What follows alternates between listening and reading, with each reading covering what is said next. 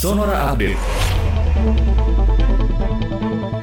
Sahabat Sonora Bursa Saham Asia Pasifik tergelincir pada perdagangan pagi ini dengan data ekonomi terbaru menunjukkan ekspor Jepang melonjak pada bulan April. Mengutip CNBC, pada perdagangan pagi ini, indeks Nikkei, indeks Topix Tokyo, dan Kospi Korea Selatan dibuka melemah. Semalam, Wall Street mengalami sesi liar dengan Dow Jones Industrial Average turun 164 poin setelah jatuh hampir 600 poin pada level terendah pada perdagangan Rabu sore waktu New York. Kabar baik yang tengah dinanti-nanti para aparatur sipil negara, pemerintah memutuskan akan kembali mencairkan gaji ke-13 bagi ASN. Besaran gaji ke-13 sesuai dengan gaji pokok dan tunjangan yang melekat pada gaji pokok atau sesuai dengan yang diatur dalam Peraturan Pemerintah Nomor 63 Tahun 2021.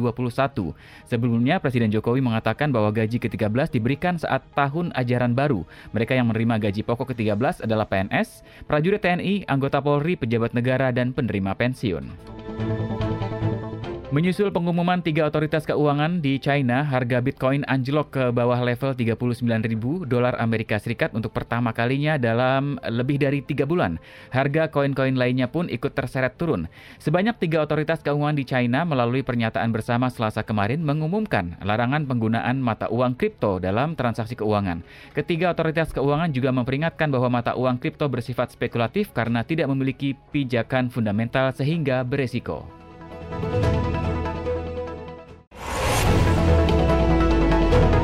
Demikian Sonora Update.